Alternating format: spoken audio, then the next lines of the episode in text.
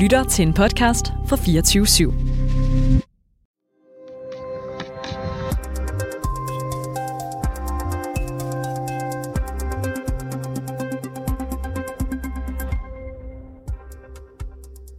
we can't pretend like our enemy is going to fight the way we do.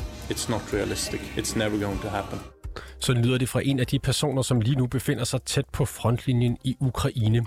Med sine egne øjne, der ser han, hvordan ukrainerne forsøger sig med en modoffensiv. Men det, der har overrasket ham, er, hvor voldsomme russerne er. Og derfor har han især et budskab. They don't have the same culture. They don't have the same values. They don't look at war the same way we do. Du lytter til konfliktzonen, hvor vi i dag skal møde Sten, der som tidligere soldat hjælper ukrainerne i krigen, og som fortæller os, hvordan han oplever en voldsomt opslidende modoffensiv. Mit navn er Oliver Bernsen. Velkommen til.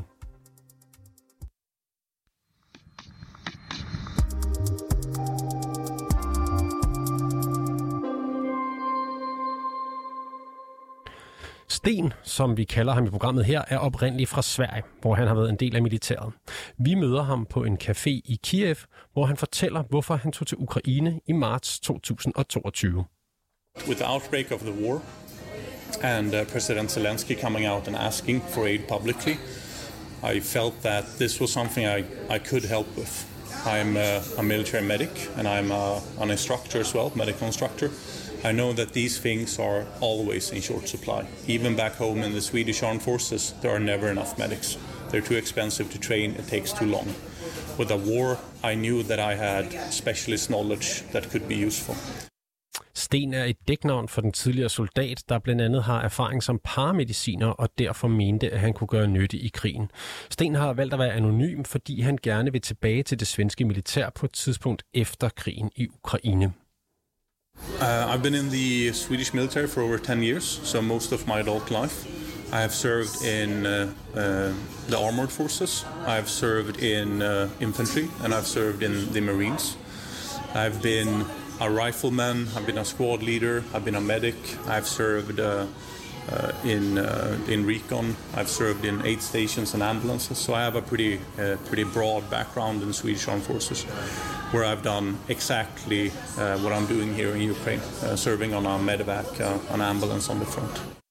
Stefan Weikert, velkommen til. Tak skal du have. Du er dansk journalist i Kiev, og det er dig, der har talt med Sten, som vi skal høre mere fra om lidt. Øh, Hvad er Stens rolle i krigen? Jamen, han er en øh, del af en ukrainsk organisation, som hedder Hospitalizers, som øh, sådan set øh, deres arbejde er at hente øh, sårede ukrainske soldater ved fronten, og så transportere dem væk derfra, og så til øh, nogle midlertidige felthospitaler, eller øh, til sådan de bedre hospitaler øh, rundt i Ukraine. Så det er simpelthen meget den organisation, som står for det arbejde, og, øhm, og der er her Stens så rolle så, at han er leder af et hold, som gør det her ude ved, altså helt ude ved fronten, og, og henter dem øh, ja, nærmest, hvor de kan se de, de russiske positioner. Og han fortæller, at da han først kom til Kiev, så så han, hvor utrænet det øh, ukrainske mandskab var. Lad os prøve at høre. In the beginning, everything was pure chaos. I was here for the uh, when, uh, Kiev was still under attack. And my first uh, rotation was out to Irpin in the first counterattack out of the city. And there, it was complete chaos. Um, units that were not used to working together, units that were qu- quickly put together, weapons that no one knew how to use. Then the first summer, uh, it, it was more of the same when I went out east uh, to Kharkiv and Donbass. It was people with very little training. I met soldiers on the front that had three, uh, three days training before they went to the front. And that was just horrible. It meant that people died completely in vain. They didn't have combat uh, training, they didn't have medical training. Uh, but it's, it's become a lot better in that, I think. Sten fortæller altså her, at da han først kom til Ukraine, så oplevede han, at folk blev sendt til fronten med tre dages træning, og at den øh, årsag havde svært ved at samarbejde og svært ved at bruge deres våben. Øh, Stefan Weikart, er det generelt øh, opfattelsen, at det går bedre for den ukrainske her nu, end da Sten ankom? Ja, man kan jo sige, at dengang øh, Sten ankom, der var der jo, hvad kan man sige, russerne på fuld øh, fremmarsch igennem Ukraine. Øh, det var jo før, altså de ukrainerne rigtig fik bremset dem øh, forskellige steder i Ukraine. Man kan sige på den måde, at det, går det i hvert fald bedre i forhold til, at man, altså Ukraine ligesom har undgået katastrofen, at, øh, at de har nået ind i Kiev, og de har ligesom taget hele landet. Så på den måde kan man sige, at det går bedre, øh, og, og det, det, det er også, altså jeg har ikke mødt soldater længe, som, som kun har haft tre dages træning, som Sten snakkede om, at der var i, i begyndelsen af, af invasionen. Så der er nogle ting, der er bedre på den måde. Øh, der er også bedre udstyr til soldaterne, så den generelt også i løbet af, at der er kommet, øh, hvad kan man sige, våben fra Vesten af. Men, men det skal heller ikke tegne mere rosenrødt billede, end det er. Altså, der er ofte øh, soldater, som kun nu får øh, tre ugers træning, inden de bliver sendt ud i skyttegravene, øh, ude ved Bakhmut for eksempel, ude i Øst-Ukraine øh, til hårde kampe. Altså, så man kan sige, selvfølgelig er det bedre end, end tre dages træning, men, men altså, øh, så er det heller ikke øh, meget bedre øh, med tre uger. Og det vi jo holder øje med lige nu, det er modoffensiven, den ukrainske modoffensiv. Hvordan går det med den? Øh, Ja, altså de kilder, jeg har i militæret, de soldater, jeg snakker med, som om de her hårde kampe, blandt andet en kontakt i 68. brigade, som kæmper omkring Bakhmut, jamen der er det mildt sagt ikke særlig positivt, altså fordi at, øh, at, at det er jo selvfølgelig ukrainerne nu, som ved modoffensiven ligesom prøver at skubbe, skubbe russerne væk øh, og komme igennem deres forsvarsværker, og det, det, det i hvert fald det, jeg hører, det er, at det kræver, eller det koster nogle, nogle store tab, Um, altså der havde været det her håb om, kan man sige, at de her mobiliserede russiske soldater, at man har snakket om, at de ikke var så motiverede, og at man sammen man ligesom prøvede at ramme dem, jamen så ville de stikke af. Det er jo ikke rigtig sket. Så, så man kan sige, at ukrainerne møder rigtig, rigtig stor modstand, har svært ved at komme igennem de russiske forsvarsværker, som blandt andet er øh, hvad man sige, anti-tank eller anti-kampvognsgrave, altså som kampvognen ikke kan køre igennem, det er minefelter osv., og så de beretninger, jeg hører, det er for de her soldater, at med det samme, de stikker hovedet op på skyttegraven for at lave et angreb på, på de russiske forforslinjer, jamen så får de kastet noget artilleri i hovedet. Så, så det er rigtig, rigtig svært. Um, og så en kilde, jeg har i militærets efterretningstjeneste i Ukraine, har fortalt om, at, at, at mange af de, sådan, man kan sige, redskaber, som de har fået til at rydde miner i sådan offensiv her, altså ukrainerne har modtaget fra Vesten, blandt andet fra Finland, jamen det har ukrainerne allerede mistet på slagmarken. Så det er rigtig, rigtig svært at, at komme frem af. Men, men jeg vil tilføje, at, at det er meget, meget svært at finde ud af for en journalist som mig, præcis hvad der foregår lige nu, fordi der er rigtig mange restriktioner for øh, bevægelsesfriheden for pressen i øjeblikket, og det er blevet strammet øh, siden øh, man kan sige, øh, februar af, og sådan løbende, øh, som modoffensiven er, er begyndt. Øh, så det gør det rigtig, rigtig svært for, for journalister at finde ud af præcis, hvad der foregår, fordi vi ikke har rigtig adgang til fronten, som vi havde før. Øhm, og, og i andre dele af fronten skal have mange restriktioner på, hvornår vi må komme afsted, og hvis vi kan have en presseofficer med og sådan noget. Så det er, det er rigtig vanskeligt at vide præcis, hvad der foregår. Vi kommer til at tale mere om den ukrainske modoffensiv øh, lige om lidt. Men først så skal vi lige høre fra Stens erfaringer ved fronten over de seneste måneder. Han fortæller nemlig, at det normalt i en øh, krig er hovedskader og øh, skader fra fragmenter, der skal håndteres blandt de sårede soldater, men at noget har ændret sig med den ukrainske modoffensiv. There's been more people that are shot just because in like every day, day to day fighting when there's no big offensive. You know, they sit in their holes, they shoot artillery all day. Barely anyone gets shot. But now there's there's more people that get shot just because they actually go into enemy trenches. Sten fortæller her, at han ser flere, øh, der bliver såret af håndvåben. Stefan Weikart, hvordan, øh, hvordan foregår kampene under den her modoffensiv? Jamen, de er voldsomt intense. Altså, det er jo, øh, man siger, det bliver nogle gange sammenlignet med Første Verdenskrig, det her med, at der ofte er to skyttegrave over for hinanden, hvor man nærmest sådan, nogle gange er så tæt på, at øh, ukrainerne og russerne kan se hinanden. Altså, og så, altså, hvis du skal indtage sådan et område, jamen, så skal du op på de her skyttegrave, og så skal du ind og tage jeg kan sige, den anden skyttegrav. Og det er også, som Sten påpeger, det er, at det er noget nemmere at sidde nede i sådan en skyttegrav og forsvare for dem, der kommer løb mod en, end det er selv at skulle op og fremad. Og det gør de her kampe enormt intense for ukrainerne, og det gør, at når jeg snakker med nogle af de her ukrainske soldater, som måske har været her i et års tid nu, altså har set hårde kampe osv., Jamen så det her, de oplever lige nu, øh, det her både psykologiske pres, det her med at miste øh, sine kammerater, det her med at skulle løbe op ad en skyttegrav øh, for, for at presse russerne osv., og, og gå, hvis man så når de russiske positioner, skal, altså skal have den her kamp, hvor man, de her skyttegrave, de, de, man siger, de, de drejer jo og sådan noget, og så skal man sådan ja, nærmest øh, sådan, altså snige sig igennem de her skyttegrave, og så, og så kæmpe med, med roserne og sådan noget. Det er sådan helt tæt hold. At det er enormt voldsomt. Det er noget, som, som virkelig, virkelig tager meget på de her soldater. Øh, jeg tror, det er meget, meget svært at beskrive. Øh, Sten, han øh, prøver at beskrive nogle af de skader, han ser her, som, øh, som soldaterne kommer ind med efter de hårde kampe. The most common thing is just mortar or artillery, and when you get hit by that, the most common injury is just that you get a concussion. It's just like when someone falls over and hits their head on the ground. The brain inside goes for a ride, bounces against the walls. You become tired, you become groggy, um, you can throw up. Most of the time, it's fine. They need to rest a couple of days. It's just like when someone gets a concussion back home from playing extreme sports or falling over. Uh, but sometimes it can lead to uh, brain hemorrhage, bleeding inside of the head, and then it can be extremely dangerous and, and often deadly. With shrapnel, um, the bombs that we shoot, they're all based around fragmentation. So when they land, they shoot out uh, hot sh- uh, shards of metal that can really burrow into your body. And they also when they hit the ground they also shoot away a lot of dirt and rocks. So when you're close to one of these bombs you can get you can get that concussion you become confused. And then you get a shower of hot metal and hot stones and dirt that just gets burrowed into your body.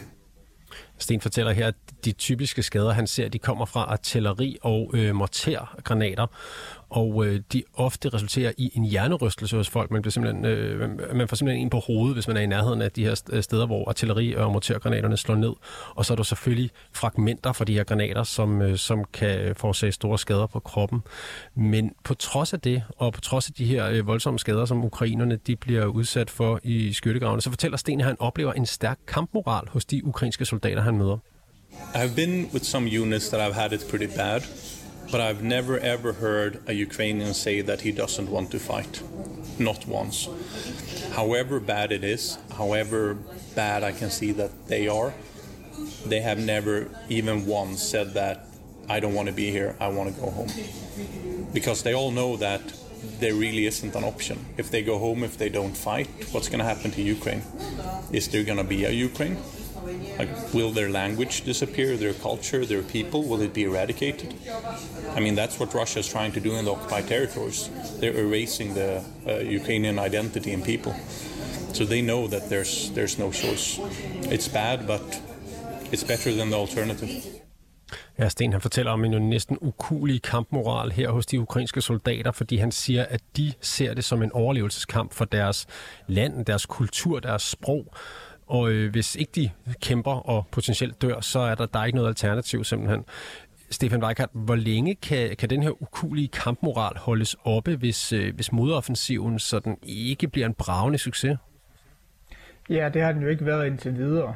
Altså, øh, jeg vil sige, at jeg kan godt følge det her med, som Sten siger, at der er mange soldater, som, som har en høj moral, kampmoral, men jeg vil sige det her med øh, den manglende succes og ikke mindst øh, de virkelig, virkelig hårde kampe under modoffensiven. Altså min opfattelse, når jeg snakker med soldater, har rykket noget, øh, har Altså, de er måske generelt set stadig meget motiveret, men der er ligesom nogle sprækker i det, kan man sige. Altså, der er nogle soldater, som ikke vil være der. Um, altså, jeg for eksempel en såret soldat, altså en far, som, øh, som sagde, at han nok skulle tilbage til fronten, men hans snart 18-årige søn, som så når han fylder 18, kan blive, øh, blive hævet ind i hæren, at øh, han skulle ikke afsted. Altså det må være nok, at hans far har kæmpet, og han vil ikke ofre sin søn for det her. Han vil ikke have, at hans søn skulle se det her død og ødelæggelse.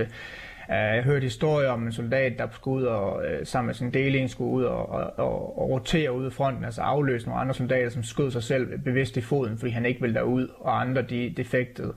Altså, der er, øh, der er nogle historier, hvor man kan sige, at der er i hvert fald nogen, som, som helst ikke vil være der, og man kan sige, jo længere krigen fortsætter, og jo, og jo flere øh, ukrainer, ganske almindelige folk på gaden, bliver mobiliseret ind i hæren, øh, som jo ikke har, har lyst til at være det. Jamen, jo, jo mere kan man så spille spørgsmålstegn ved, hvor øh, de måske ikke er lige så øh, motiverede som de folk, der i, i begyndelsen af den russiske invasion øh, meldte sig frivilligt til at forsvare Ukraine. Og øh, svenskeren Sten han fortæller videre, at det har slået ham, hvordan russerne har øh, overtaget i, i krigen, og øh, de vestlige magter er dem, der står svagest. I have met people, especially in the early war, that did not really realize what this war was going to be like. even uh, veterans from Afghanistan and Iraq. Um, in those wars, you know, in the West, we've always been the superior power. We've always been the big, strong, and whoever we were fighting, the insurgents, they were always weak. Well, here we're the weak ones. You have to accept that your fate is not in your hands anymore. It can be completely random. You can be out driving, and then artillery, artillery lands and you're dead. That's it. Like there's nothing you can do about it. You just have to accept that. You have to let go of that control and accept that if it's gonna happen, it's gonna happen.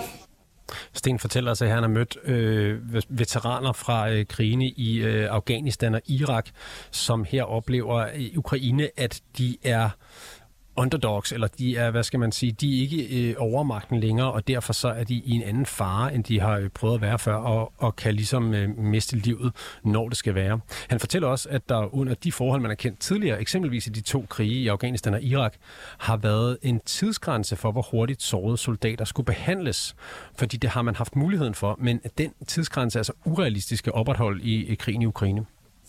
Back home in the West, we have this uh, idea in the military medical system that within one hour of getting hurt, you should be at the surgeon.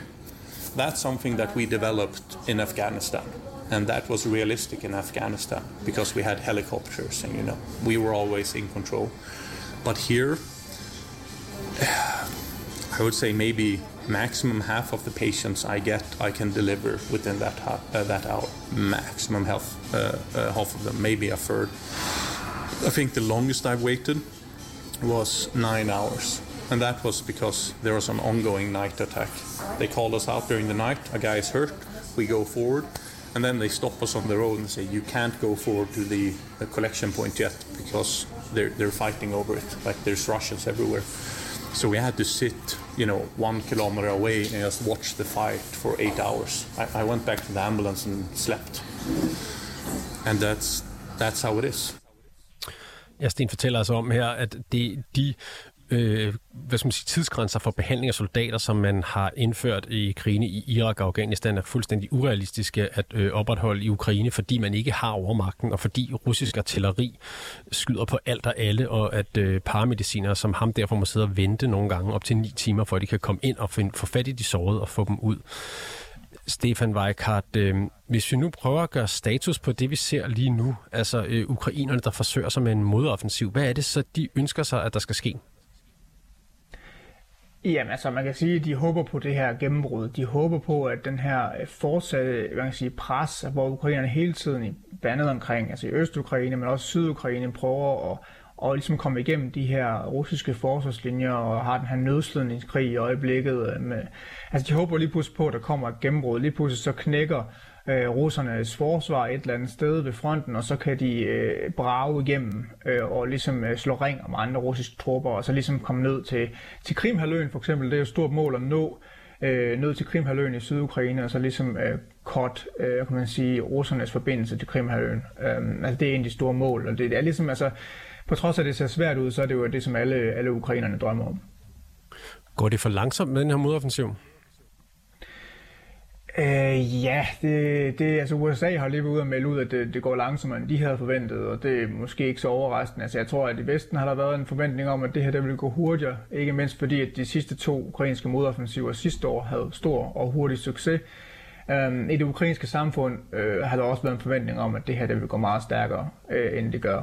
Um, og det er der også blandt de soldater, som jeg har, har snakket med. Og, og det kan man sige, det er også noget af det, der påvirker moralen øh, hos soldaterne og, og hos øh, de almindelige ukrainere, det her med, at det går ikke øh, så hurtigt, som de havde håbet på. Og, og det får dem til at frygte, om de egentlig, øh, i hvert fald nogen, om de rent faktisk kan vinde den her krig. Hvad er de største udfordringer for Ukraine i modoffensiven, som du ser den? Ja, de har øh, store problemer med at komme igennem de her russiske forsvarsværker, de her minefelter, så de har simpelthen grundlæggende problemer med at rydde de her miner, eller komme igennem dem øh, i de her offensive, for du kan jo ikke sådan stå med almindelige, altså rydde miner, som man normalt vil gøre i fredstid, altså du skal jo fremad, du skal holde farten op, Derudover så er de stadig problemer med, at, at russerne har mere artilleri, øh, end de selv har. Øh, det vil sige, at som soldaterne fortæller, med det samme du stikker hovedet op af skyttegraven og egentlig vil begynde at angribe russerne, jamen så har russerne allerede øh, allerede opdaget det og får kastet noget artilleri i hovedet på dig. Altså, det, er, det er en stor udfordring. Øhm, For Ukraine... Så, altså, Undskyld. Ja.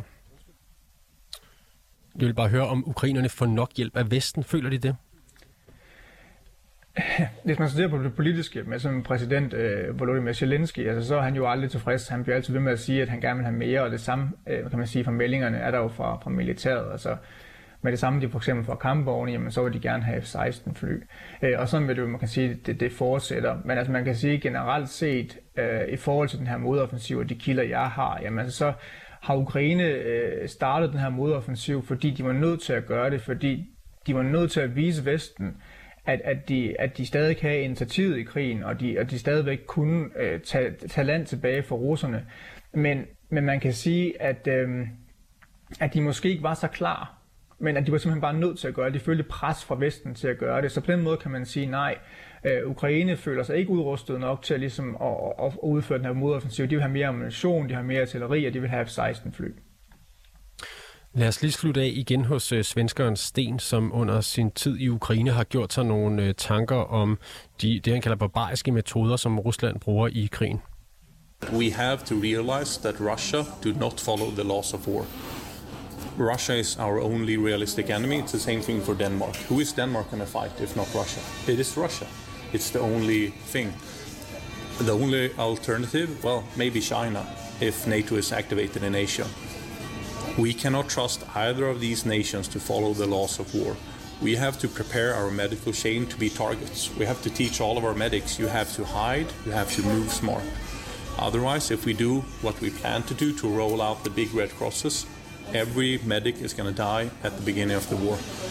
And that's going to be bad for everyone. Then who's going to save the rest of the people that get hurt? That's that's the thing that I think about the most. We really need to think about how we view Russia. Sten fortæller her om, hvordan russerne de beskyder øh, paramediciner og, og, og militærhospitaler og ikke følger krigens øh, love, som man siger. Hvad er det sådan mere overordnet, Sten øh, prøver at fortælle os her, Stefan Weikert? Jamen, hans holdning er, at vi, at vi sover i timen i Sverige og i Danmark for eksempel. At vi ikke forstår den trussel, øh, som, som, øh, som vi står overfor. Altså det her, han snakker med, at russerne ikke følger krigens lov. Altså hans grundlæggende spørgsmål er, hvad pokker gør vi i, i Vesten, hvis, vi, hvis Rusland lige pludselig angriber os, eller en anden, altså Kina for eksempel, og de ikke følger de her love, så det ikke er en kamp ligesom i Irak eller Afghanistan, Øh, hvad er det så, vi gør? Det mener han ikke, grundlæggende ikke i hvert fald, at det svenske militær er forberedt på. Stefan Weikart, mange tak for din medvirken. Selv tak. Det var altså Stefan Weikart, dansk journalist bosat i Kiev.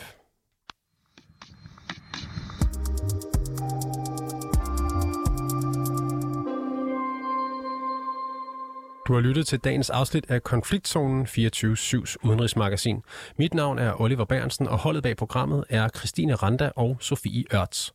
Du kan lytte til programmet direkte mandag til torsdag fra 8 til 8.30, men du kan selvfølgelig også høre programmet som podcast.